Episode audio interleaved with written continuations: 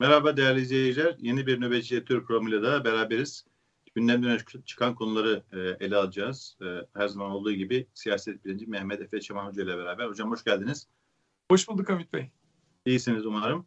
Sağ olun siz nasılsınız? İyisinizdir inşallah. Teşekkür ederim. Teşekkür ederim. Çok sağ olun. Yüzünüz gülüyor. Her şeye rağmen her zaman olduğu gibi. Yani e, umudu ko- umudu korumaya çalışıyoruz. Enseyi karartmak. Aynen. Her şeye rağmen enseyi karartmamak lazım. Hocam hızlıca gündeme girelim. E, gündem kendini yani seçmemize gerek kalmayacak kadar çok açık e, bir e, ülke işgal altında e, 7-8 gündür e, ve e, dehşeti artıyor. E, beklentiler pek bu yönde değildi e, ve e, artık şehirler bombalanıyor. Bir nükleer e, enerji santraline dün itibariyle bombalanma oldu. E, bütün dünya ayağa kalkmıştı neredeyse ne oluyor diye. Evet. Yani sanki bir 3. Dünya Savaşı'na doğru mu gidiyoruz? Var mı böyle bir endişeniz? Açıkçası böyle bir endişem var çünkü büyük savaşlar genellikle küçük kıvılcımlarla çıkar ki buradaki kıvılcım çok da küçük değil. Yani Ukrayna e, çok büyük bir ülke, nüfusu da çok yoğun bir ülke. 44 milyon nüfusu var e, ve Avrupa'nın bir parçası. E, Rusya'ya komşu eski Sovyetler Birliği ülkesi. Yani bütün bunları alt alta koyduğunuz zaman Ukrayna'ya yapılan bu masif ve e, büyük yani adeta topyekün işgal tabii ki e, çok sıkıntılı bir e, jeopolitik durum ortaya çıkardı. Neden bunu ortaya çıkardı? Çünkü e, herkesin endişesi şu, Putin bu hamleden sonra yetinmeyebilir. Aynı Hitler'in İkinci Dünya Savaşı'nda yaptığı gibi biliyorsunuz önce Hitler ne yaptı? İşte e, Çekoslovakya'daki Südet bölgesini işgal edeceğim dedi. Sonra gitti Çekoslovakya'nın tamamını işgal etti. Polonya'yı işgal etti. Avusturya ile birleşti. Fransa'yı işgal etti derken çorap söküğü gibi bütün dünya bir büyük savaşa e, yuvarlanmış oldu. Büyük bir savaş patladı. Aynı durum olabilir. Neden diyeceksiniz? Şimdi mesela şu anda Ukrayna hava sahasında diyelim ki yardım amaçlı e, malzeme getiren veya işte ne bileyim gıda getiren e, veya başka bir tür yardım yapan bir sivil uçağı bombalasa Rus uçakları, bu uçakta diyelim ki işte herhangi bir NATO üyesinin uçağı olsa buna yönelik NATO bir misilleme yapabilir. Yani her an bir kıvılcım çıkabilir. Bir de Putin çok dengeli hareket etmiyor. Gördüğümüz kadarıyla hani limitli, sınırlı bir operasyon yapıp e, işte belirli bir hedefe yönelik bir e, nokta atışı yapmadı. Bütün ülkeyi topyekün dört yönden işgal etti. Yani güneyden Karadeniz, işte kuzeyden Rusya üzerinden, Belarus üzerinden falan, e, doğudan keza gene Rus sınırından birliklerle çevir, çevrelediler koskoca ülkeyi ve büyük kentleri bombalıyorlar. Tabii bu çok olağanüstü e, bir güvenlik sorunu yarattı. Dolayısıyla evet endişem var bu olayın büyümesinden e, oldukça korkuyorum açıkçası. Yani e, görüldüğü kadarıyla NATO ülkeleri de e, Batı ittifakı da çok e, bu konuda dikkatli. Elden gelen tüm yardımı yapıyorlar. E, askeri yardım, askeri e, cihazlar, silah, mühimmat hatta savaş uçakları dahil. E, fakat e, işte bugün e, NATO'nun bir açıklaması vardı. E, üzerinde e, Ukrayna üzerinde uçuş yasağı e, ilanını talep etmişti. Cumhur, Ukrayna Cumhurbaşkanı bunu reddettiler. Yani bu tür e, direkt e, NATO'nun görev alması veya Batı müttefikinden birilerinin Rus askerleriyle karşı karşıya gelmesinden korkuyorlar. Gerçekten Ukrayna'nın da en büyük talihsizliği bu. Yani bir direniş gösteriyorlar ama kendilerini işgal eden ülke nükleer silah sahibi, dünyadaki önemli güçlerden biri. Ee, onun için e, savunma yani Ukrayna'ya verilen desteğin de sınırları e, oluyor değil mi bu yüzden? Kesinlikle haklısınız. E, şu aşamada Ukrayna hava sahasının e, Rus uçaklarının uçuşuna kapatılması, NATO vasıtasıyla kapatılması mümkün gözükmüyor. Birincisi NATO teşkilatının e, kendi prosedür, prosedürleri açısından zor. Bunun bir istisnası Kosova'da gerçekleşmişti ama tabii ki Kosova'daki durum hem birincisi çok sınırlı bir operasyondu hem de karşılarındaki güç Rusya gibi bir güç değildi. Sırbistan olduğu için çok daha e, kolaylıkla halledilebilecek bir askeri düğümdü, bir puzzle'dı. Şu anda çok farklı bir durum var. Rusya dediğiniz gibi nükleer silahlara sahip. Böyle bir hava sahasını kapatma operasyonu gerçekleşseydi e, NATO uçaklarıyla Rus uçakları karşı karşıya kalacaktı ve aynı şekilde kara birlikleri de karşı karşıya kalabilirdi.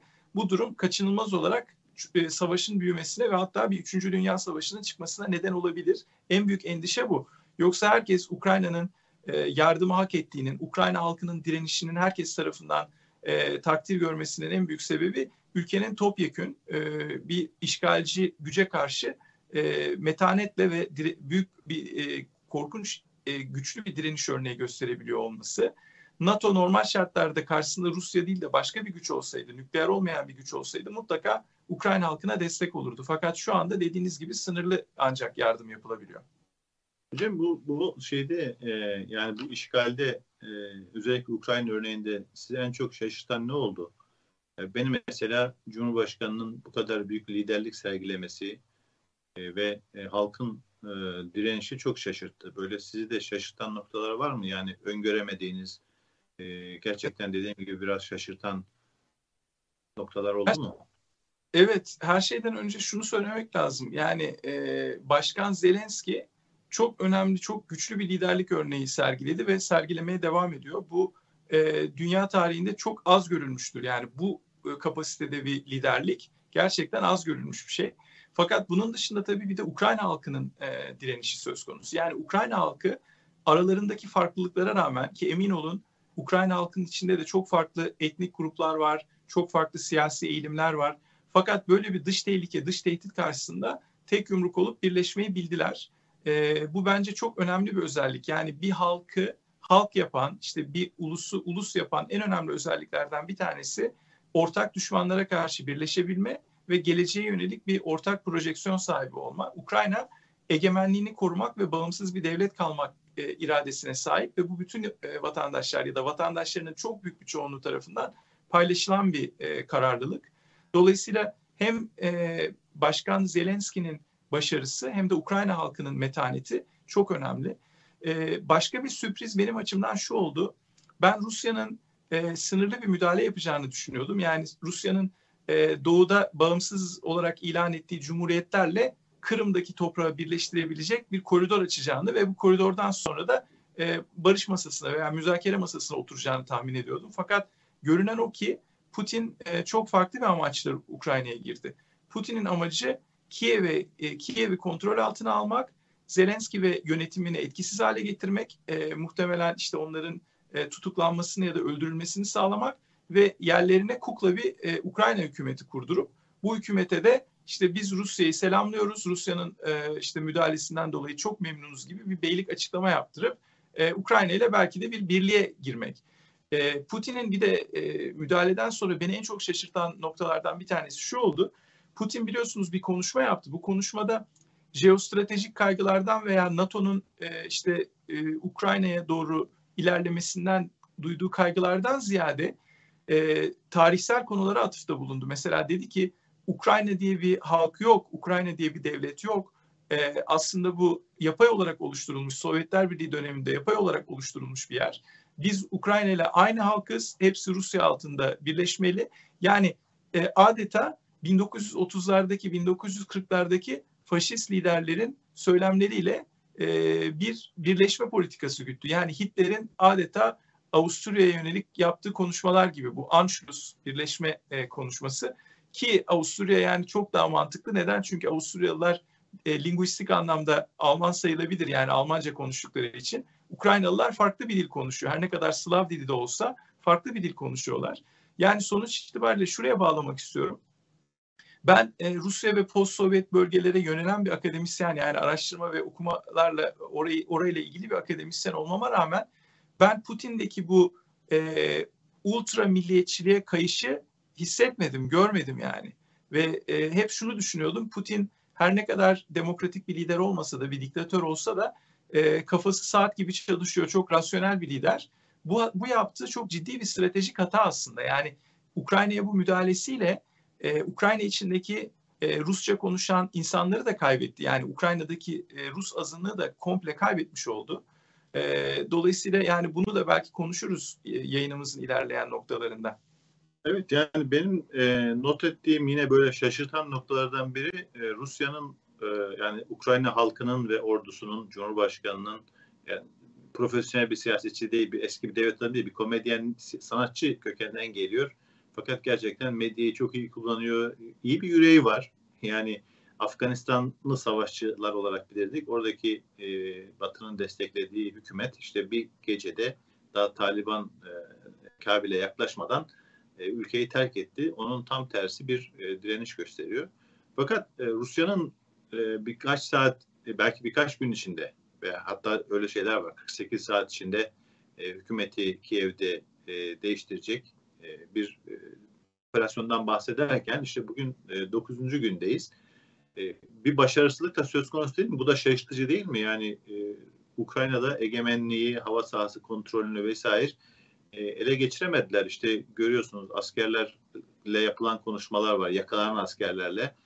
Nerede olduklarını bilmiyorlar, niye geldiklerini bilmiyorlar, araçlarının bakımlarını yapamıyorlar, çamura saplanmış araçlar. Yani çok e, berbat e, bir şekilde e, Rusya'nın böyle büyük güç, işte süper güç özellikle askeri açıdan bu özellikleri çok yara aldı gibi görünüyor. Hatta belki de bazıları onun için bu şehirleri, sivil halka yönelik saldırıları Putin başlattı. Böylece bir tür ya işte biz aslında o kadar da zayıf değiliz e, görüntüsü vermeye mi çalışıyor? Yani, bu da şaşırtıcı bir nokta değil mi Rusya'nın böyle batağa saplanması? Veya belki erken yorum olabilir de Rusya Afganistan'da batağa saplanmıştı Sovyetler Birliği. E, buradaki e, yani bu yorumla erken olabilir mi yoksa e, hakikaten niye bu kadar tekledi e, Rus e, askeri yapısı, askeri gücü? Evet. Yani bence son derece haklı sorular. Rusya hem stratejik anlamda planlama açısından e, hem de lojistik anlamda e, büyük eksikliklere sahip olduğunu gözler önüne serdi. Yani şimdi şunu söylemek lazım. Rus askerleri e, yani iki ya da üç gün içerisinde sonuç alınacak şekliyle yollanmışlar belli ki. Yani şunu ümit ediyorlarmış muhtemelen o anlaşılıyor. Biz askerlerimizi göndeririz. E, işte e, 48 saat içerisinde veya işte 3 gün içerisinde Ukrayna teslim olur ve biz başarıya ulaşırız. Bunu da nereden anlıyoruz? Askerlere verdikleri kumanyalardan mesela. 2-3 günlük kumanya vermişler askerlere. E, şimdi yakıt tedarikini düşünmemişler. Yani orduyu yürütmek e, sadece orduyu bir yerden bir yere sevk etmek yeterli değil. Orduyu sevk ettikten sonra o sevkiyatın arka planı var. Yani cephe gerisinden tekrar işte e, benzin ya, ya, yani sevkiyatını devam ettirebilmek e, ve işte gıda sevkiyatını, su sevkiyatını devam ettirebilmek yani cephe gerisiyle arada bağlantıyı kurmak bu çok önemli. Şimdi bir de şöyle bir durum var. Rus askerleri öyle bir yerleştirildi ki baktığınız zaman Ukrayna çok büyük bir ülke. Yani coğrafya olarak herkes böyle çok küçük bir ülke gibi zannediyor ama Ukrayna kocaman bir ülke. Bu koskocaman büyük e, ülkenin dört bir yanında askeri birlik merkeze doğru ilerliyorlar. E şimdi böyle olduğu zaman birbirlerinden çok kopuk, birbirleriyle bir bütünlüğü olmayan bir harekat söz konusu. Yani şöyle düşünün, bence Ukrayna'ya yollanan askerlerin ne komuta seviyesinde ne de daha alt seviyelerde e, harekatın nereye doğru evrileceği konusunda ve asıl hedefler konusunda hiçbir fikri yok. Yani merkez onları yollamış, onlar e, devamlı ilerliyorlar bir istikamete doğru. İlerledikçe de kan kaybediyorlar. Yani hem e, kelimesi kelimesine kan kaybediyorlar. Yani insan insanlar ölüyor. Orada saldırıya uğruyorlar. Askerlerini kaybediyorlar. Hem de aynı zamanda moral motivasyonlarını e, gıda sevkiyatı olmadığı için e, açlıkla e, mücadele etmek zorundalar. E, benzinleri bittiği zaman, mazotları bittiği zaman tanklar veya panzerler yolda kalıyor biliyorsunuz. Yani niye terk ediyorlar? Çünkü gitmesi imkanı, imkanı yok. Askerler e, benzin bittikten sonra iniyorlar tanktan yürüyerek devam ediyorlar. Yani bu korkunç bir şey. Şunu demek istiyorum. Rusya açıkçası bir süper güç olarak yani Soğuk Savaş'ın süper gücü olarak ve Soğuk Savaş sonrasındaki de en birincil güçlerden biri olarak dünyada gerçekten kov çıktı. Bu yapılan askeri operasyon her açıdan bir hezimet. Ha bu şu anlama gelmiyor. Yani Afganistan'daki gibi e, Rusya e, başarısızlığa uğradı e, veya uğrayacak böyle bir yorumu yapmak için henüz biraz erken diye düşünüyorum. Ama şunu da eklemek lazım. Görünen o ki e, Ukrayna'daki mücadeleyi veren Ukrayna ordusu ve e, gerilla savaşı veren halk e, Afganistan'dakinden, Irak'takinden falan çok farklı bir profilde. Yani eğitim ve donanım açısından hem ellerindeki silah kapasitesi hem e, stratejik yaklaşımları açısından çok daha e, üstün bir duruş sergilediler. Liderlik açısından biraz önce altını çizdik. Zelenski'nin liderliği çok önemli. Bütün bunları alt alta koyduğumuz zaman e, Rusya'nın başarılı olma ihtimali e, çok yüksek değil. Yani Kiev'i ele geçirebilir fakat önemli olan bir kenti ele geçirmek değil, o kenti elde tutabilmek. Bu tarz gerilla savaşının olduğu bölgelerde biliyorsunuz bir binayı ele geçirdikten sonra o binada asker bırakmanız lazım. Yani bir yerden bir yere ilerleyerek gitmeniz lazım. Şimdi gerilla mücadelesi halk yayılmış bütün kentte. sivil insanlar çoğunlukla ellerinde silahlar, molotof kokteylleri Rus direnişine, Rus ile ilerlemesine karşı direniş gösteriyorlar. Şimdi bu insanlar Rusya e, oradaki yönetimi kontrol etse bile aynı direnişe devam edecekler. Geceleri devam edecekler. Görünmeyen an, anlarda devam edecekler. Saldırılar yapacaklar, nokta atışları. Bunlar Rusya'yı kıracak. Yani Rusya'da şu kapasite yok. E, 150 bin askerle, 200 bin askerle biz buraya girdik. Bu ülkeyi kontrol ederiz. Öyle bir durum yok. 44 milyon insan var Ukrayna'da ve yetişkinlerin neredeyse tamamı şu anda cephede. Yani cephede derken e, sokakta mücadele eden insanlar görüyorsunuz. Köylüler, çiftçiler e, Rus tanklarını elleriyle durdurmaya çalışıyorlar. Aynen. Yani Aynen böyle, bazen. böyle bir mücadelenin önüne nasıl geçebilir yani bir büyük devlet? Çok zor. Evet yani moral e, motivasyon üstünlüğü kesinlikle e, Ukraynalıların e, tarafında. E, hatta bazı haberler görüyorum. E, tabii savaşta haberlerle ilgili biraz her, her habere şüpheyle yaklaşmak lazım. Çünkü bir tür enformasyon savaşı da aynı zamanda yaşanıyor. Fakat mesela e, okuduğum e, haberlerden birinde Rus askerlerinin yani böyle savaş savaşa bir girdiklerinin bile e, farkında olmayan Rus askerlerinin bir kısmı kendi e, araçlarına, kendi kullandıkları e, cihazlara sabotaj yaptıkları ve böylece işte e, diyelim ki bet, bet, bet, e, deposundaki benzini bitirerek ya da tekerlerini patlatarak falan savaş alanına girmekten uzak durmaya çalışıyorlar gibi haberler geliyor. Bir de tabii şu çok vahim. E, bu savaşı yani dışarıya neler söylüyorsa bile yani tamamen tersini söylese bile Putin yönetimi epey öncesinden planlamışlar. Yani Ukrayna'ya bu kadar kapsamlı bir müdahale yapacaklarını. Nitekim işte ortaya çıktı. Çin de yapılan e, olimpiyatlar nedeniyle pazarlık yapmışlar. Yani Çin rica etmiş e, olimpiyatlardan sonraya bırak, bırakabilir misiniz falan gibi. Yani bu kadar hazırlığı yapılan bir operasyonun bu kadar büyük bir e, lojistik başarısızlıklarla e, falan karşı karşıya gelmesi tabii ki çok e, kötü. Yani Ukrayna açısından güzel, e, işgalin başarısızlığa uğrama ihtimalinin artmasından dolayı güzel. E, fakat e, kaygı verici olan tarafı e, karşımızda bir Putin var. Yani tek başına tek adam. E, işte Milli Güvenlik Kurulu'nda nasıl insanları e, o kerli ferli insanları nasıl aşağıladığı, aralarında nasıl mesafe olduğunu ortaya çıktı yani bütün dünyada gördü bunu. Dolayısıyla çok e, anlamsız şeyler olabilir. Yani bu başarısızlık onu örtmek için e, gerçekten e, daha fazla insani dramlara yol açabilir diye endişe ediyorum. Bu arada yani benim benim açımdan başka şaşırtıcı bir noktada Batı'nın e, ittifakıydı. Yani çok e, bu bu derecede bir tepki e, açıkçası ben e, beklemiyordum. Avrupa Birliği özellikle yani yeniden küllerinden doğdu e, Putin sayesinde. Putin'in bu e, haksız, hukuksuz işgali sayesinde. O kadar ki Avrupa Birliği ilk defa e, kendi bütçesinden e, silah e, alıp bunları şeye göndermeye karar verdi. Yani ve Avrupa Birliği derken 27 ülke e, oturup beraber karar verebiliyorlar ki Rusya ile nasıl ilişki kuracakları hep bölücü bir konuydu. Yani bölen bir konuydu. İran başka, İtalya başka, pardon Almanya başka, İtalya başka, İngiltere başka politikalar izliyordu. Fakat bunlar falan tamamen ortadan kalktı. Yani inanılmaz bir e, bütünlük var. E, şirketlere varana kadar işte e, IKEA, e, Microsoft, Apple e, vesaire e, Rusya'dan çekiliyor. Yani bu da aslında beklenmeyen ve belki de Putin'in yanlış hesaplarından biri oldu. Dedi herhalde Batı böyle parçalı bulutlu halde tepki vermeye devam eder. Biz de bir şekilde bu operasyonu yaparız diye bekliyordu ama öyle olmadı. Onda sizce temel sebep ne? Yani neden Batı Amerika'sıyla, Avrupa'sıyla, Avrupa içindeki farklı ülkelerle gerçekten bir birlik e, içinde e, bu kez güçlü bir tepki verebildi? Şimdi bu çok güzel bir soru. Ee, bence Avrupa güvenlik mimarisi açısından düşünmek lazım. Çünkü Ukrayna Avrupa güvenlik mimarisine çok yakın olan bir ülke. Her ne kadar Avrupa güvenlik mimarisine dahil olmasa da Avrupa'nın sınırlarını oluşturuyor. Dolayısıyla Ukrayna ile Avrupa Birliği'nin sınırdaş olması Avrupa Birliği'ni çok endişelendiriyor. Ee, Rusya'nın Ukrayna'yı işgal edip e, işte bunu bir oldu bittiyle Ukrayna'yı kontrol altına alması durumunda e, işte gelecekte mesela aynı olayın Moldova'ya veya Be- Beyaz Rusya'ya yönelik olarak da yapılabilmesi e, Ukrayna'nın e, kaderini diğer ülkelerin, diğer post-Sovyet ülkelerin paylaşması e, çok tehlikeli olur Avrupa güvenliği açısından. Yani bunu sadece insani amaçla düşünmemek lazım. Tabii ki Avrupa'nın insani amaçla Ukrayna'ya destek oluyor olması çok olağanüstü bir olay. Yani bence takdir edilmesi lazım. E, dünyanın birleşerek Ukrayna'ya bu kadar e, destek vermesi, psikolojik anlamda, moral anlamda, ahlaki anlamda destek vermesi son derece önemli.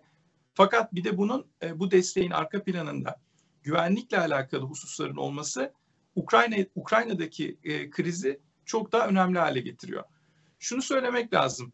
Polonya'yı, işte Macaristan'ı, Romanya'yı, e, işte bir takım Doğu blokundaki e, eski Doğu bloku ülkelerindeki e, Avrupa Birliği üyelerini bir araya getirerek e, yani ki şu anda biliyorsunuz bir sürü e, popülist liderler var Avrupa'nın doğusundaki ülkelerde. E, bu o kadar kolay bir olay değil. Dolayısıyla Rusya bu yapmış olduğu stratejik e, dengesizlikle Avrupa'yı da bir araya getirmiş oldu, birleştirmiş oldu. Sadece Avrupa'yı bir araya getirmekle de kalmadı. Aynı zamanda Avrupa Birliği dışında olan işte Norveç gibi ülkeleri veya NATO dışında olan Finlandiya ve İsveç gibi ülkeleri de e, Batı ittifakına kenetledi. Dolayısıyla Batı ittifakı e, Soğuk Savaş'taki 1970'li 60'lı yıllardaki durumdan sonra ilk kez bu kadar yoğun bir şekilde birleşmiş oldu. Biliyorsunuz 1980'lerden itibaren bir e, rahatlama gelmişti Gorbaçov'la birlikte. 1991'den sonra zaten Sovyetler ortadan kalkınca NATO'nun güvenliği veya e, NATO'nun varlığı sorgulanır olmuştu. Daha sonra bir şekilde NATO varlığını devam ettirdi ve doğuya doğru genişledi. Fakat birçok analist bunun gereksiz olduğunu söylüyordu. Bakın bugün o e, analiz yapan insanların analizlerinin beş para etmediğini görüyorsunuz. Neden? Çünkü gerçekten NATO'nun ne kadar gerekli olduğunu e, Rusya demokratikleşmeden ve Avrupa'ya entegre olmadan her zaman NATO'nun e, işe yarayacak bir güvenlik teşkilatı olduğunu gördük. Fakat benim burada e, tabii birazcık konunun dışına çıkmış olacak ama belki de size pas vermek açısından iyi olur. E, Türkiye bir NATO üyesi ve Türkiye NATO'nun ilk genişlemesine dahil olan ülke. Yunanistan'la birlikte biliyorsunuz NATO kurulur kurulmaz hemen 3-4 sene içinde Türkiye Kore Savaşı'ndan sonra dahil oldu ve kendi isteğiyle dahil oldu. Çünkü Türkiye'nin e, Truman doktrinine ve Marshall e, planına dahil edilmesi hayati önemliydi. NATO'ya girmesi hayati önemliydi. Neden? İsmini zikrederek, diplomatik nota vererek, Potsdam konferansında, Yalta konferansında açıkça dile getirerek Sovyetler Birliği Türkiye'nin egemenlik haklarını hem boğazlar üzerinde Marmara Denizi ve Çanakkale boğazları üzerindeki egemenlik hakkını tartışmaya açtı. Hem de Kars, Ardahan gibi e, Türkiye'nin sınırları dahilinde olan bölgelere, illere yönelik e, yayılma talebinde bulundu. Sınırların tekrar tekrardan çizilmesi talebinde bulundu Sovyetler Birliği lehine. Dolayısıyla insanlar bunu unutup bugün sanki NATO böyle emperyalist bir e, örgütmüş de Türkiye'yi ele geçirmiş, Türkiye'yi de işte kendine bağlamış, ayaklarını zincirlemiş falan gibi böyle bir algı üzerine hareket ediyorlar, konuşuyorlar. Ha bunu da şöyle söylüyorlar. Diyorlar ki işte NATO bir sürü askeri darbelere destek oldu. NATO Gladio'yu kurdu, şunu yaptı, bunu yaptı. Yani şimdi e, bütün olayları, elmaları, armutları birbirine karıştırıyorlar. Ve bunu da bugünkü e, enteresan e, Rusya muhipliğine bir arg- argüman olarak özellikle sol kesim. Sol demek aslında çok gereksiz de bu adamların hiçbiri solcu falan değil. Hepsi bana göre e, nasyonel sosyalist e, fikirlere sahip çoğunluğu. Dolayısıyla bu benim açımdan son derece ilginç bir şey. Yani Türkiye bir e, e, sui generis, bir e, kendi e, nevi şahsına münhasır bir e, NATO üyesi. Kağıt üzerinde NATO üyesi ama NATO ile hiçbir ittifakı, hiçbir işbirliği yok şu anda. Dolayısıyla bu da e, çok düşündürücü bir şey. Yani şunu düşünün NATO'ya çok sonradan girmiş olan üyeler bile bugün tartışılıyor, konuşuluyor bunların NATO içindeki rolü.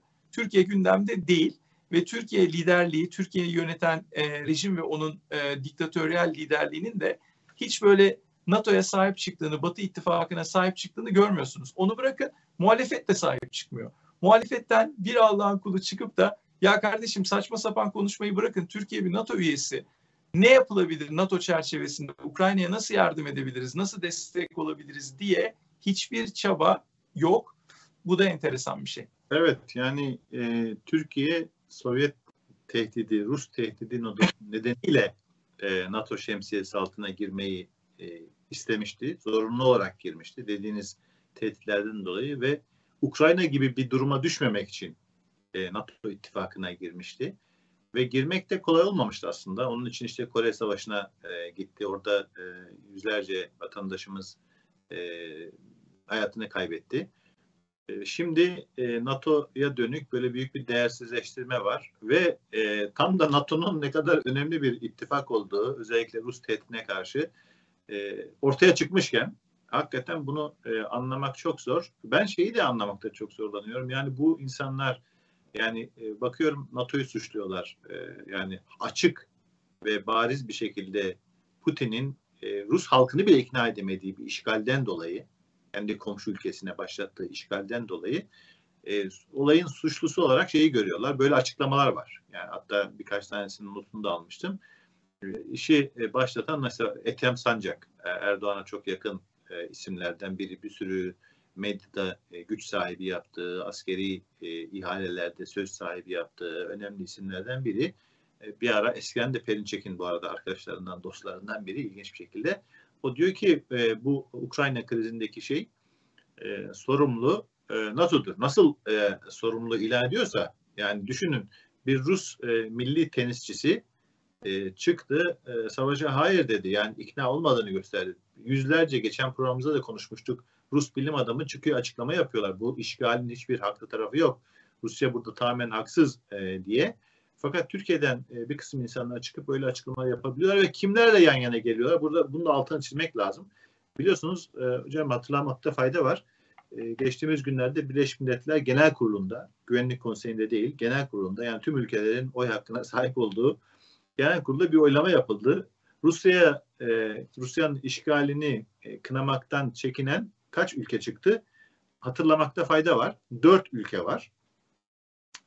Bunlar Suriye, Kuzey Kore, Eritre ve e, Beyaz Rusya, Belarus e, dediğimiz e, dört ülke. Yani Türkiye'deki e, kişilerin yani bu olayda e, Rusya'yı, Putin yönetimini değil de e, NATO'yu, Batı'yı vesaire, Ukraynalıları hatta suçlayan kişilerin kimlerle yan yana geldiği de enteresan değil mi? Yani e, Kuzey Kore, Suriye, e, Beyaz Rusya yani e, şey değil, Küba bile yok mesela.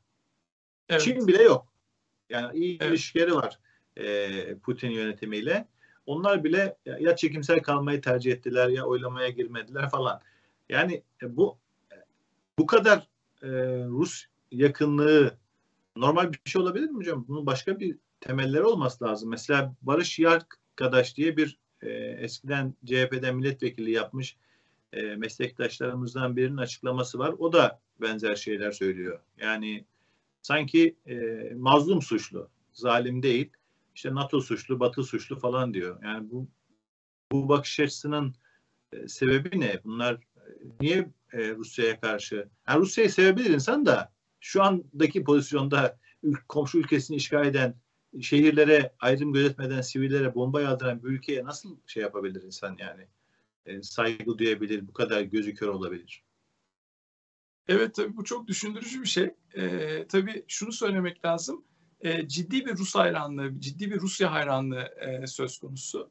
E, ve bunun aslında e, geçmişe biraz götürmemiz gerekiyor. Kendimizi biraz geçmişe ışınlamamız lazım. Yani bu nasıl başladı?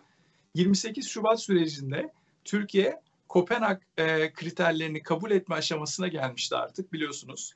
E, Kopenhag kriterleri gündemdeydi ve 28 Şubat'ı gerçekleştiren askeri kadro ve bürokratik kadro e, Kopenhag kriterlerini Türkiye'nin toprak bütünlüğüne ve özellikle de Kürtlere yönelik politikalarında çok ciddi bir tehdit olarak gördü ve dolayısıyla Avrupa Birliği'nden yollarını ayırmaya karar verdiler. Ve Türk Silahlı Kuvvetleri'nde ve Türkiye bürokrasisinde e, Batı yanlıları ve Batı karşıtları olarak iki grup oluştu. Ve Batı karşıtları e, alttan alta diş bilediler sürekli olarak. Yani özellikle e, biliyorsunuz postmodern 28 Şubat sürecinden sonra, postmodern darbeden sonra e, Adalet ve Kalkınma Partisi kuruldu. E, iktidara geldi ve Avrupa Birliği yönelimli bir e, siyaset izlediler. Çok ciddi reformlar yapıldı. Yani 2002 ile 2006-2007 dönemleri arasında Türkiye adaylık e, statüsü elde etti. Müzakere sürecine başladı ve Kopenhag kriterlerini askeri asgari anlamda tamamlamış olan bir ülke olarak e, e, Avrupa Birliği tarafından raporlandı. Yani bu tescil edildi. Dolayısıyla bütün bunlara karşı çıkan e, ciddi anlamda askeri bürokratik bir kesim oldu. Bu kesimlere Cumhuriyet Halk Partisi geniş ölçekte, Milliyetçi Hareket Partisi geniş ölçekte destek verdi. Yani e, reform sürecinde e, reform yapmak isteyen hükümete destek olmak yerine yani Avrupa Birliği reformlarını desteklemek yerine reformları Avrupa Birliği'ne karşı verilen tavizler olarak algıladılar. Şimdi bu çevre, bu, bu çevrenin e, ortak görüşü şuydu. Türkiye batılılaşsın ama Avrupa Birliği'ne girmesin çünkü Avrupa standartlarında bir demokrasi Türkiye'ye göre değil, Türkiye'yi böler parçalar. Böyle bir bakış açıları var bu adamların. Ve bunlar bakın çok enteresan. E, ne zaman ki işte 27 e, biliyorsunuz şeyden sonra işte Erdoğan suçüstü yakalandıktan sonra 17 Aralık'tan itibaren 17 Aralık 2013'ten itibaren ne yaptı? E, bütün bu Avrupa Birliği çizgisini bir kenara bıraktı ve çok farklı bir yönelime girdi Türkiye. İşte bu farklı yönelime girmesi e, bu bahsettiğim çevrelerle işbirliğine başlayıp AB yanlısı olan, Batı yanlısı olan çevreleri diskalifiye etmesi, onları grup dışı etmesiyle birlikte gerçekleşmiş bir şey. Yani bir kırılma noktasıydı bu. Şu an Türkiye'yi yöneten klik sadece Erdoğan'dan oluşmuyor. Erdoğan'ın arkasında bu bahsetmiş olduğumuz işte anti batıcı, anti NATO'cu, e, Avrasyacı çok geniş bir ekip var. Ve bu ekip bakın çok enteresan bir şey. Bur- buraya da bağlamamız lazım.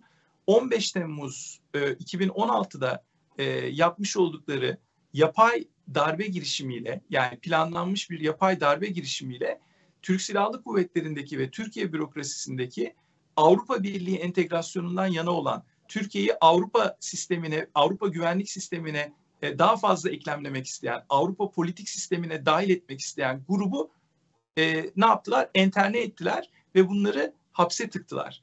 Bakın Türkiye'deki bütün general ve amiral kadrosunun yüzde ellisi bugün e, demir parmaklıklar arasında e, fabrikasyon suçlamalarla birçoğu bunların yüzde sekseni, yüzde doksanı darbeye hiç karışmamış insanlar. Ve bunların ortak özellikleri Türkiye'nin batıya entegrasyonundan. Yani batıya entegrasyonu şöyle düşünün.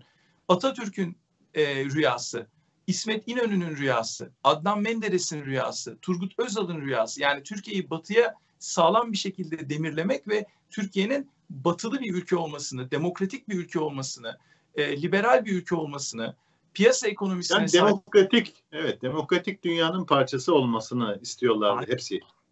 Çağdaş dünyanın parçası olmasını istiyorlardı hepsi. Evet.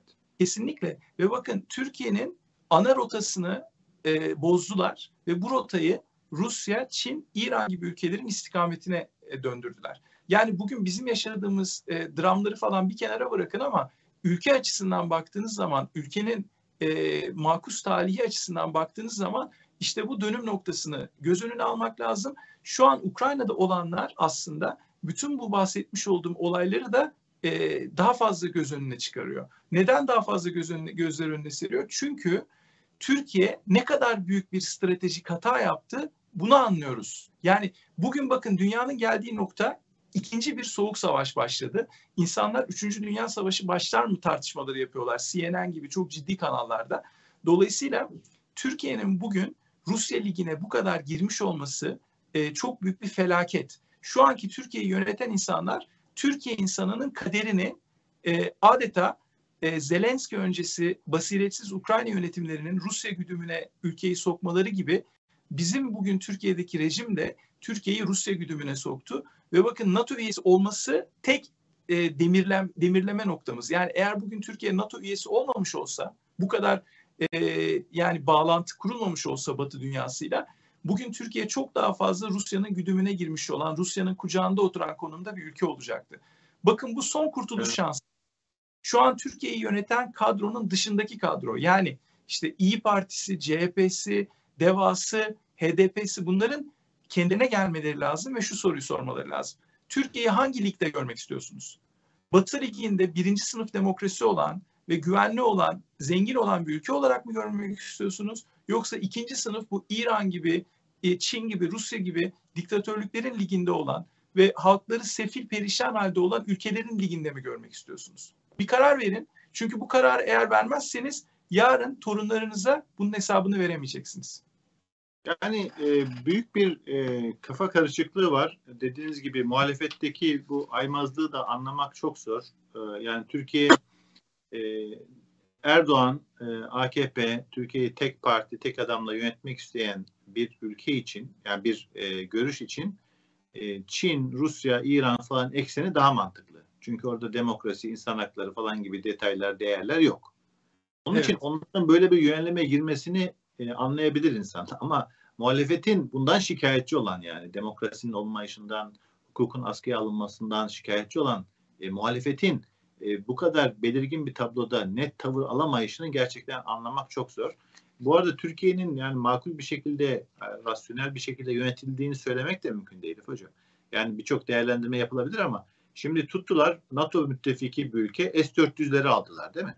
Rusya'dan. Evet. Rusya ile öyle bir yakınlaştılar ki hatta Erdoğan'ın sözü var. Biz Rusya ile stratejik müttefikiz. Şimdi yatağa girdiğiniz ülkeye bakar mısınız? Rusya ile ilişkileri devam ettirmekten, turizm ilişkilerini, ticari ilişkileri, enerji ilişkilerini devam ettirmekten söz etmiyoruz. Onu her ülke yapıyor. Ama sen nasıl böyle bir e, aymazlığa düşebilirsin?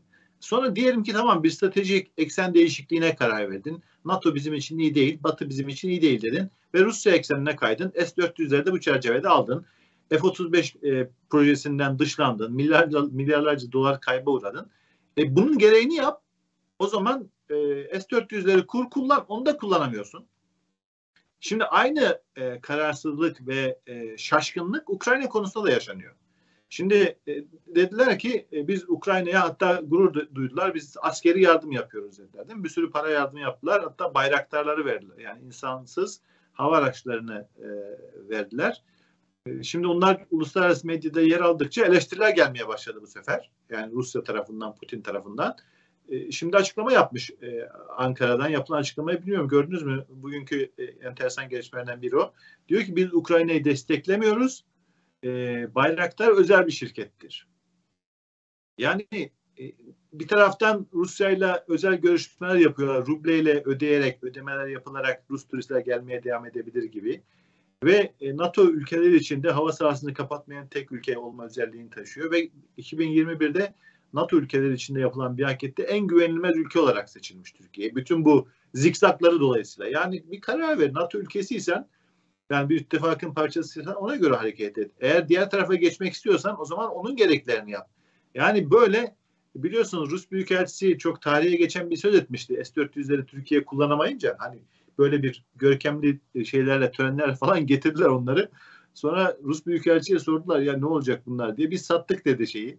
S-400'leri ister patates taşınsınlar isterse plajlara koysunlar diye. Yani böyle aşağılanmalara uğramış bir ülke. Onun için bir de tabii başka bir boyutu var hocam. Belki dikkat çekmek lazım. Yani Türkiye e, yolsuzluklarla yöneticilerin battığı, terör gruplarıyla ilişkilerle battığı ve elinde herkesin Rusya dahil şantaj malzemesi dağılmış durumda.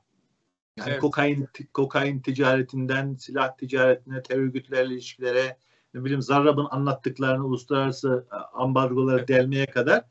Onun için yani Ankara'dan rasyonel bir siyaset beklenebilir mi? Şimdi 15 Temmuz'la ilgili bir şey var. Deniyor ki 15 Temmuz'un perde arkasını ortaya çıkaracak çok önemli bilgiler var e, Putin'in elinde. Belki de bütün bu Rusya'ya yakınlaşmanın arkasında böyle bir sebep olamaz mı? Olabilir ve ben e, çok daha enteresan şeyler söyleyeyim. Şimdi Türkiye tarihinin en güçsüz dönemini yaşıyor. En güçsüz, en kırılgan ve ben buna Düyunu Umumiye dönemini yani bu e, Osmanlı'nın battığı, iflas ettiği, yıkılmasına artık ramak kaldığı dönemi de dahil ederek söylüyorum. Yani çok daha kötü bir dönemden geçiyor Türkiye. Ve bakın şu anda bir NATO üyesi olarak Türkiye'yi ben size birkaç cümleyle özetleyeyim. Ondan sonra da dediğiniz konuya gelelim. Şimdi birincisi bakın bütün NATO üyeleri Batı ittifakı ne yaptı? Rusya'ya ekonomik yaptırımlar uyguluyor. Uçaklarına, Rus uçaklarına kendi hava sahalarını kapattılar. Rusya'ya inanılmaz büyük ekonomik yaptırımlar uygulamaya başladılar. Rusya'ya ve Rus rejiminin e, işbirliği halinde olduğu bir takım odaklara, Rus vatandaşlarına. Şimdi bugün Türkiye'ye bakıyorsunuz. Bütün NATO üyeleri ve bütün Avrupa e, Güvenlik ve İşbirliği Örgütü çerçevesinde baktığınız zaman Türkiye bugün Rus uçaklarına hava sahasını kapatmamış tek NATO üyesi olan ülke. Türkiye bugün Ruslardan S-400 bataryaları almış. Bunlar aktive edilebilir konumda bu kadar uyar, uyarılara rağmen yani Türkiye'yi kendi ortak olduğu, mühendislik dizaynına kadar ortak olduğu e, e, ikinci nesil uçak projesinden dışlamaya götüren bu korkunç kara batak, kara delik tuzağı düşünün yani başımıza gelen. Onun dışında bakın Akkuyu'da nükleer enerji santrali kurduruyor Türkiye Rusya'ya. Yani öyle büyük bir stratejik işbirliği var ki nükleer alanda bile işbirliği yapıyor Rusya'yla. Rusya yapıyor bugün Türkiye'nin ilk nükleer enerji tesislerini, ilk nükleer enerji santralini. Bakın Rusya e, oligarklarının en önemli adreslerinden bir tanesi Türkiye. Türkiye'de e, bunların malları, mülkleri var. Türkiye'de firmalarda ortaklıkları var. Türkiye'de e, rejimle birlikte yaptıkları ortaklıklar var. Ve bütün bunlar bir NATO üyesi olarak bugün Ukrayna'nın karşısında bu kadar tavır almış bir ittifakın içinde gerçekleşiyor. Bunlar korkunç şeyler ve bunlar tabii ki e, batılı müttefikler tarafından gayet net bir şekilde algılanıyor. Bu bahsetmiş olduğunuz güvenilirlik e, anketinden çıkan sonuçlar kesinlikle tesadüf değil. Bir de bakıyorsunuz Türkiye nasıl bir yönelim içerisinde? Türkiye Suriye'de e, cihatçı manyaklarla işbirliği yapan, bunları paralı asker olarak kullanan, bunları kendi vekalet savaşlarında işte Libya'da, Kuzey Afrika'da, e, Karabağ'da, Irak'ta, Suriye'de kullanan bir ülke konumunda. Bunlara finansal destek veriyor. Bakın El Nusra gibi ülkeler, e, El Nusra gibi terör örgütlerinden, IŞİD gibi terör örgütlerinden, irili ufaklı başka cihatçı gruplarla yaptığı petrol ticaretleri var. Bunlara yapmış olduğu destekler var. Şöyle baktığınız zaman bu tabloya alt alta koyup bunları böyle bir listelediğiniz zaman normal bir NATO üyesi ülkenin çok çok dışında bir profille karşı karşıya olduğunuzu görüyorsunuz. Ya bunları ben illa hani Türkiye'yi kötülemek adına söylemiyorum. Bunlar gerçekler. Bunların olması bir Türk vatandaşı olarak beni rahatsız ediyor. Strateji e, çalışan işte siyaset bilimci bir insan olarak beni bunlar, bunlar rahatsız ediyor. Bunları Türkiye'yi yönetenlerin görmüyor olması mümkün değil. Bunların bilgileri hatta onaylarıyla yapılan şeyler bunlar. Ya bunlar böyle üstü örtülü yapılabilecek şeyler değil. Devlet seviyesinde, hükümet seviyesinde yapılan işbirliklerinden bahsediyoruz. Yani iktidar yapıyorsa, ortaksa ya e, şantaja uğrayarak ya da işte çıkar e, hesaplarıyla bunları yapıyorsa kişisel yani ülkenin çıkarından bahsetmiyorum. Kendi e, evet. akdeleri, kendi cüzdanlar için bunları yapıyorlarsa muhalefet niye görmüyor bu kadar açık şeyleri? Yani muhalefet evet. e, partiler içinde bir sürü eski diplomatlar var. Bir sürü askerler var. Yani gerçekten bu e, hayret edici bir, bir manzara. Yani bu kadar e, Türkiye'nin ne yaptığını bilmeyen e, bir yönetim tarafından e, yönetiliyor olması alıştık. Fakat muhalefetin dahi bunu görmemesi gerçekten çok e, çarpıcı, çok acı. E, bu arada e, Türkiye'deki gündemlere belki biraz dönebiliriz. E, vaktimiz biraz azaldı ama e, Türkiye'de çok yoğun bir şekilde yine insan hakları gündemleri var. Yani Türkiye'nin kaymış olduğu bu yeni eksen, İran, Çin, Rusya işte bunların kültürlerine, bunların siyaset biçimlerine yaklaşmış olan Türkiye'de beklendiği gibi e, insan hakları gündemleri bitmiyor. Şeyle başlayalım isterseniz. Faruk Gergerlioğlu milletvekili hiç suçsuz yere, haksız yere karga tulumba e, gözaltına alınmıştı. E, daha önceleri programda konuştuk bunu defalarca. E, şükür e, şimdi özgür e, milletvekilliğini de e, yapabiliyor. Fakat yurt dışı yasağı var. Yani evet. bir konferansa Almanya'daki bir konferansa gitmesi gerekiyor fakat e, gidemiyor. E, bugün e, bir e, dava ta e, 2016'dan beri devam eden bir dava sonuçlandı gazetecilerle ilgili, taraf gazetesiyle ilgili. Mehmet Baransu, e, Ahmet Altan, Yasemin Çongar e, ve Yıldıra Oğur'un yer aldığı e, davada Baransu'ya 13 yıl hapis cezası verildi detaylarını bilmiyorum. Bakma imkanınız oldu mu? Ben biraz baktım hocam. Egemen Harekatı Planı diye bir planın, askeri bir planın e, yayınlandığı, e, deşifre edildiği e, gibi bir iddia var. E, Baransu tarafından ve taraf gazetesi tarafından. Fakat gülünç olan şey şu, avukatını biraz dinledim. Avukat Çiğdem Koç hala böyle cesur insanlar olması da sevindirici, umut verici bir tarafı. Bu plan yani Mehmet Baransu eliyle Taraf Gazetesi'nde yayınlandığı iddia edilen bu plan 2008 yılında Genelkurmay Başkanlığı tarafından imha edilmiş ve bunu da ilan etmişler. Mahkemeye yazı yazmışlar yani. Genelkurmay tarafından imha edildiği bilinen, Taraf Gazetesi'nde yayınlanmayan, hiç kimsenin görmediği bir e, plandan, askeri bir planın deşifre etmekle suçlanıyor ve bunun için 13 yıl ceza veriliyor e, Mehmet Baransu'ya ve işte Ahmet Altan'a, Yasemin Çongar'a da üçer yıl e, cezalar vermişler. Ve bu arada bir tazminat davası da var. E, Çetin Doğan gibi isimlerin balyoz e, balyoz iddialarıyla, balyoz darbesi planlarıyla gündeme gelen Şimdi bu gazetecilere 10 bin lira para cihaz vermişler. Bu para şeye verilecek. Çetin Doğan gibi kişilere verilecek. Ve Çetin Doğan'ın bu bu şeyle davayla hiçbir alakası yok. Fakat taraf olmuşlar. Yani Türkiye'nin nasıl bir eksene geçtiğini gösteriyor değil mi hocam bu? Mahkemelerin bağımsız olmadığını, e, bir sirke döndüğünü bu işe, artık bir vodvil e, haline geldiğini görüyoruz. Ve işin açıkçası Türk Silahlı Kuvvetleri kendi içerisinde bir sürü darbe planlamaları yapmış, darbe e, simülasyonları yapmış. E, gazeteciler bilgi aldıkları takdirde ya bir karşınızda sizin hukukun dışına çıkmayı e, yani hukukun dışına çıkmış ve bunu plan planlama programlama seviyesinde yapmış bir ordu var. E, bunu yayınlarsınız yani bir gazeteci siz şimdi bir gazetecisiniz bir gazeteci refleksiyle bir kaynağınızdan böyle bir bilgi aldığınız zaman siz bunu ya ben bunu yayınlamayayım bu devlet sırrıdır mı diyeceksiniz. Devlet sırrı böyle olmaz. Yani illegal yapılan, yasa dışı, anayasaya aykırı olarak yapılan hiçbir şey devletin bir kere politikası olamaz. E, devletin herhangi bir örgütünün ki yani Türk Silahlı Kuvvetleri de devletin bir teşkilatıdır. Devletin herhangi bir teşkilatının, herhangi bir biriminin de böyle bir illegal yapılanma içerisinde olması düşünülemez. Dolayısıyla Baransu ve Baransu gibi olan gazetecilerin böyle bir sebepten dolayı suçlanıyor olmaları zaten başlı başına bir komedi. Yani tam tersi olması lazım. Şunu demeleri lazım. Ya arkadaş bu adamlar halkı toplumu bilgilendirmişler.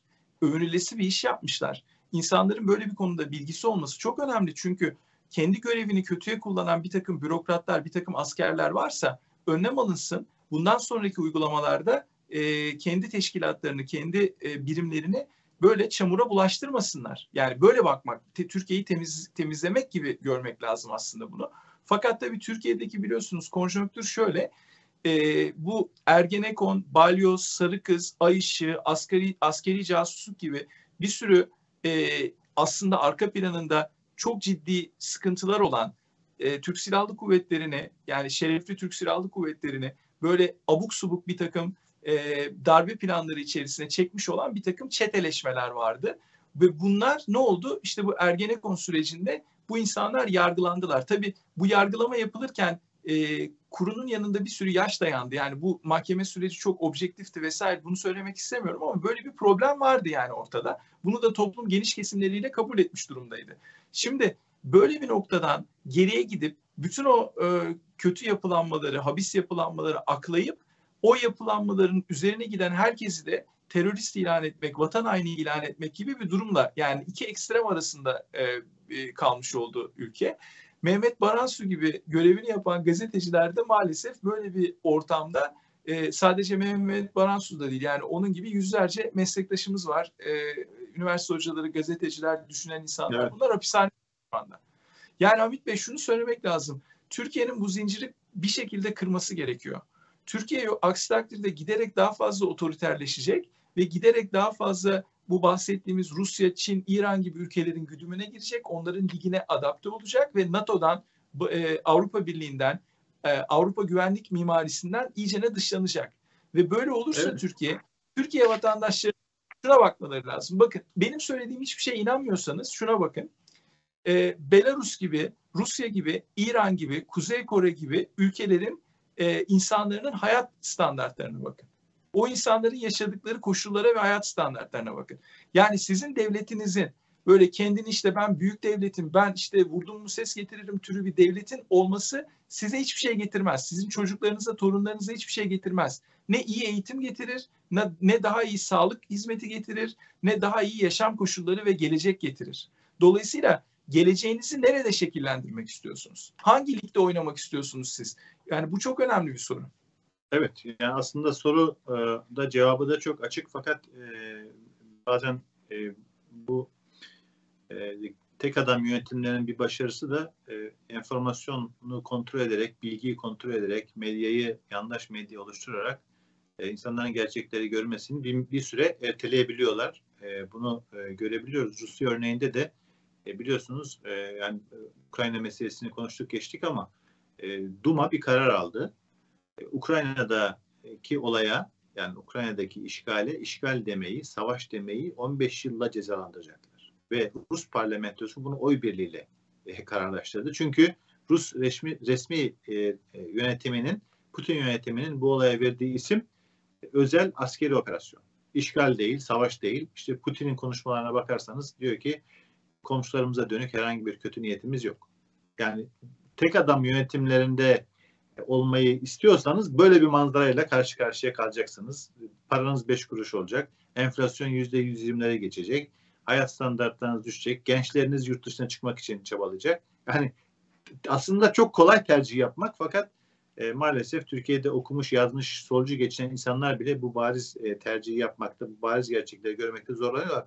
Hocam bu Baransu meselesinde dramatik olan şey şu. Yani balyoz davasını ya da darbe girişimlerini haber yapmak ödüllük bir iştir. Evet. Şu anda ödüllendirilmesi gereken ve nitekim Mehmet Baransu birçok ödül almış bir gazeteci.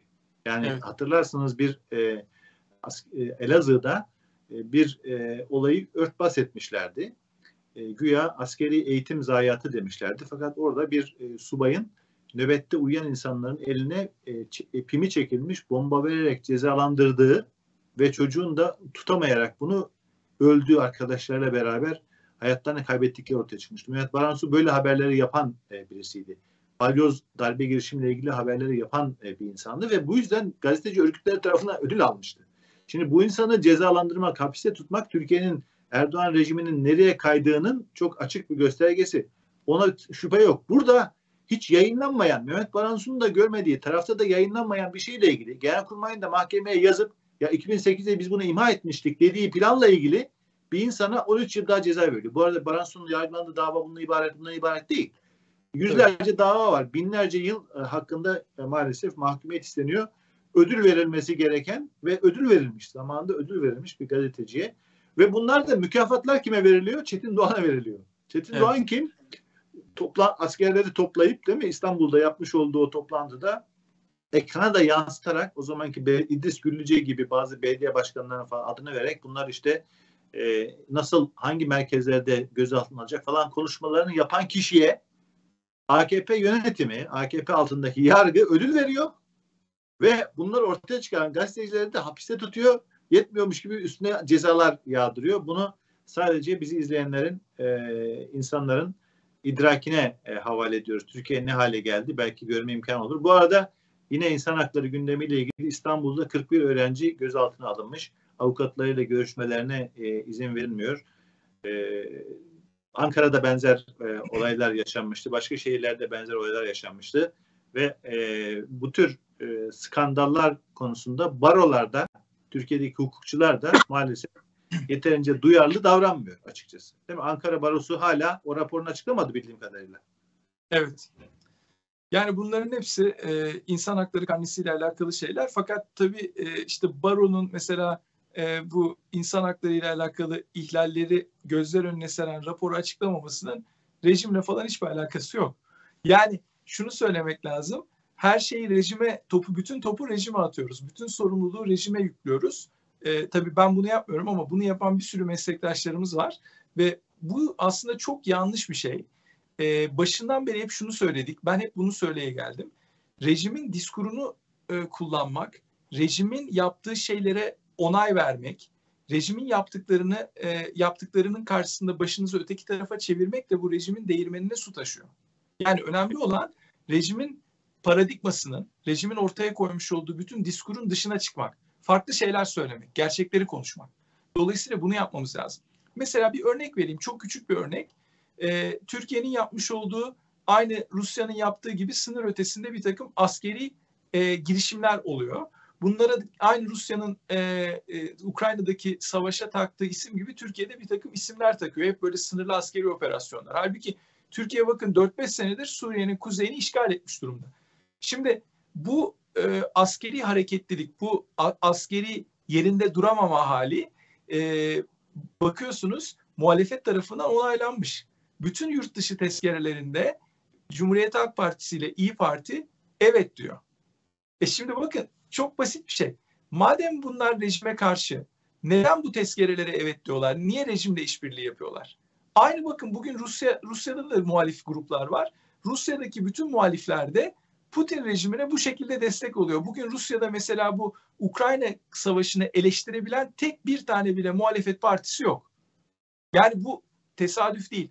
Bu tarz diktatöryel yapılarda muhalefet de rejimin bir parçası. Söylemleriyle ve diskur dışına çıkmayarak muhalefet aslında rejimin meşrulaştırılmasına hizmet ediyor.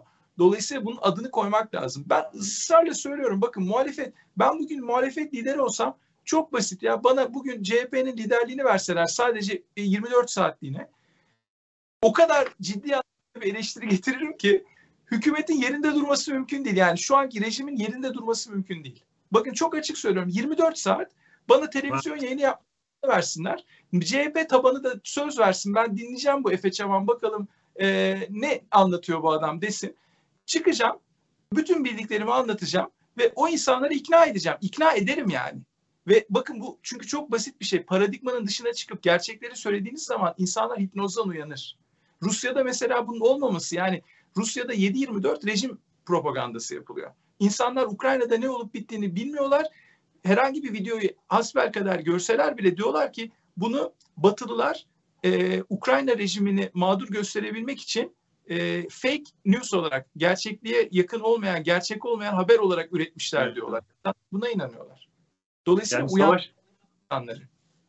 Savaşa giden asker de bilmiyor savaşa gittiğini, gönderildiğini. Onun annesi de bilmiyor. Yani evet. tek adam yönetimi bu demek. Savaş Aynen. ve işgal yok, barış var. Değil mi? Aynı şey var ya. E, Aynen öyle. 84 romandaki belki George Orwell'ın her şeyin tersi. Yani adam e, komşu ülkeye, şehirlere bomba yağdırıyor. Fakat söz ne? Bizim e, komşularımıza dönük bir kötü niyetimiz yok. Aynen öyle. Askeri, askeri operasyon yapıyoruz. Kime karşı? E, Ukrayna'yı Nazilerden kurtarmaya e, dönük. E, Nazilerin en büyük düşmanı Yahudilerdi. Yani en en büyük kurbanı pardon. E, ülkenin başında Yahudi, e, Zelenski Yahudi. Evet. Ama önemi yok. Gerçeklerin önemi yok. Yalanlar önemli. E, yani e, maalesef e, dramatik bir tablo. Hocam iyi haber. E, ha, bu arada muhalefet dediniz. Muhalefet nasıl konuşuyor? Onu ona bir örnek verelim. E, sıcak haberi de bu arada paylaşmış olalım. Yani bugünkü gündemle alakalı. Tarım Bakanı, tarımları ve ormanları bitirmekten sorumlu e, Tarım Bakanı Bekir Pakdemirli e, nihayet e, affını kabul etmiş e, Cumhurbaşkanı. Artık böyle ya e, istifa falan yok.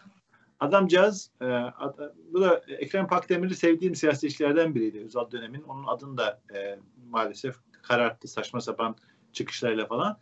Bekir Pakdemir'in tabii hiç adı yok. E, a, bilgisi yok görevden alındığı falan. Nitekim bugün programı varmış. Yani e, 4 4 Mart itibariyle programı varmış. Er, Erzincan'a gidecekmiş eski Başbakan Binali Yıldırım'la beraber. E, muhalefet bu konuyu nasıl ele alıyor diye baktım. E, hocam muhalefet şunu yapıyor. Diyor ki Pakdemirli e, kardeşi e, FETÖ'den tırnak içinde hapiste yerine gelen Vahit Kirişçi bakan olmuş. Yeni Tarım Bakanı. Onun da Fethullah Gülen'le beraber çekilmiş fotoğrafları var. İşte muhalefetin sözcüsü, önde gelen isimlerinden biri Özgür Özel'in bulup bulabildiği konu bu yani. Adam Türkiye'yi tarımı bitirmiş, ormanlar yanmış, kül olmuş, bir tane ormanla mücadele edecek, yangınla mücadele edecek uçağı yok. Ama e, bizim muhalefetin bulabildiği konu bu. Ben bıktım açıkçası. Efendim ben bıktım. Saatlerce konuşmayı belki hak eden bir şey. Ya yeter anladık kardeşim bir dönem cemaatle AKP yöneticiler arasında sıcak ilişkiler vardı. O iş bitti 2013'ten itibaren. Herkes de bunu biliyor. O dönemde er, Hoca Efendi'nin, Fethullah Gülen Hoca Efendi'nin yanına gitmeyen yok. Beraber fotoğraf çektirmeyen gazeteci yok, iş adamı yok, siyasetçi yok. Sadece AKP'liler değil, başkalarının da var. Ya geçin kardeşim 6-7 sene oldu. Bu e, cemaat hizmet hareketi 7'den 70'e e, AKP yönetiminin, rejiminin zulmüne maruz şu anda. Hala bunu konuşmak ayıp değil mi yani? Başka bir konunuz mu yok sizin? Kafayı mı yediniz? Allah aşkına. Hakikaten e, böyle sinirlerimi tutamıyorum bazen. Özgür Neyse. Özel kim biliyor musunuz? Özgür Özel e, Orta Çağ'da Engizisyon Mahkemesi'nin böyle e, sözde savcıları, sözde işte şeyleri vardır. Bu takibat politikalarını uygulayan e, papazları vardır. Aynen onlar gibi hareket eden bir adam. Özgür Özel bir aslında bir CHP prototipi. Yani CHP prototipi büyük oranda keşke hepsi e, Sayın Genel Başkan e, Kemal Kılıçdaroğlu gibi olsa. Çünkü Kılıçdaroğlu gerçekten demokrat bir adam. Gerçekten CHP'yi sosyal demokrat bir parti haline dönüştürmeye çalışıyor. Fakat ge- gerçek e, omurga, ana omurga e, Özgür Özel tipindeki adamların prototipinden oluştuğu için CHP'yi adam edemiyorlar. Bir türlü sosyal demokrat bir parti. Evet. Bakın ben gündem olacak bir şey söyleyeyim. CHP Türkiye'nin Nazi partisi şu anda. Bakın çok net söylüyorum bunu bir siyaset bilimci olarak. Çünkü CHP'nin ideolojisine bakın. CHP'nin ideolojisi tamamen milliyetçilik üzerine kurulu.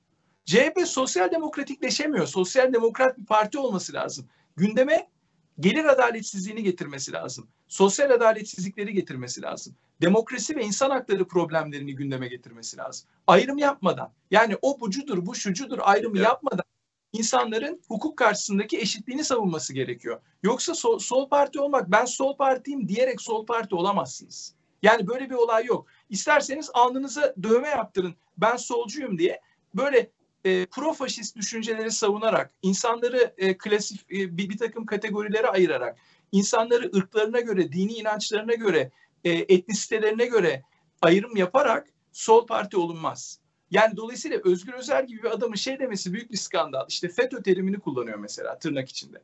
Ya FETÖ rejimin takibat e, terimidir.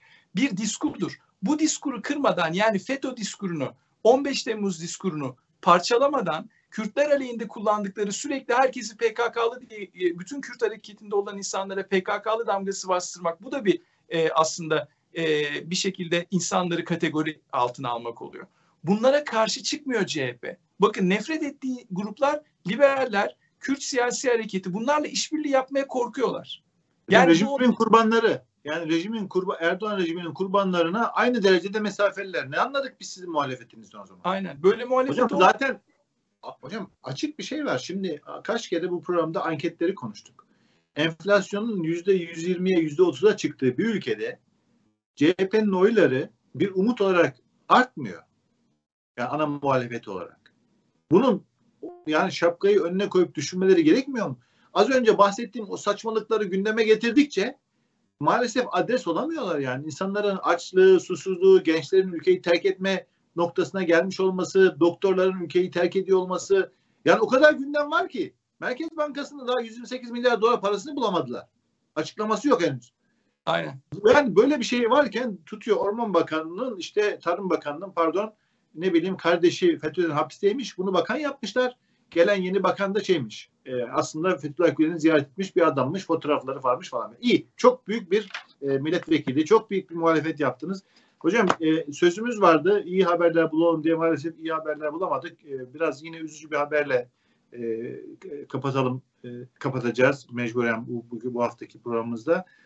E, Merve Özkan e, bir e, kız çocuğu. E, bu dönemde çok e, bu dramı görüyoruz. E, çocuklar e, babalarının, annelerinin, ailelerinin yaşadığı dramı gündeme getirmek için feryat ediyorlar. Allah'tan sosyal medya var ve biz bunlardan haberdar oluyoruz. Babası Ahmet Zeki Özkan e, Antalya'da e, hapiste. E, ben baktım biraz. Almanya'da eğitim almış. Mercedes-Benz'de çalışmış. Başarılı bir mühendis. E, şu anda dördüncü evre ak, akciğer kanseri. E, Ahmet Zeki Özkan. E, Merve Özkan e, bu babasının e, yani bakıma muhtaç durumdaki babasının hiçbir suçu olmayan. Suçu gazete abonesi olmak, Zaman Gazetesi'ni okumak, Bankasya'da parası olmak, işte çocuklarını belli okullara e, hizmet hareketiyle ilgili okullara göndermiş olmak falan. Yani bunlardan dolayı e, bu insan e, hapiste tutuluyor ve dördüncü evre kanser olmasına rağmen de çıkarılmıyor. E, yani ben e, dünyaya böyle adalet lafları söyleyenler var ya dünya e, işte beş beşten büyüktür değil mi? Lafları vardı. İşte dünyanın her yerinde adalet sloganları falan filan. Ya Allah Allah için, insanlık için, e, biraz etrafınıza bakın ya. Şu etrafa millete insanlığa ders vermekten önce bir bakın hapishanelerinizde kimler var. Şu, şu feryatları duyun. E, desek de duymuyorsunuz. 82 yaşındaki insanları hapiste e, katlediyorsunuz. 84 yaşındaki insanları hapse atıyorsunuz.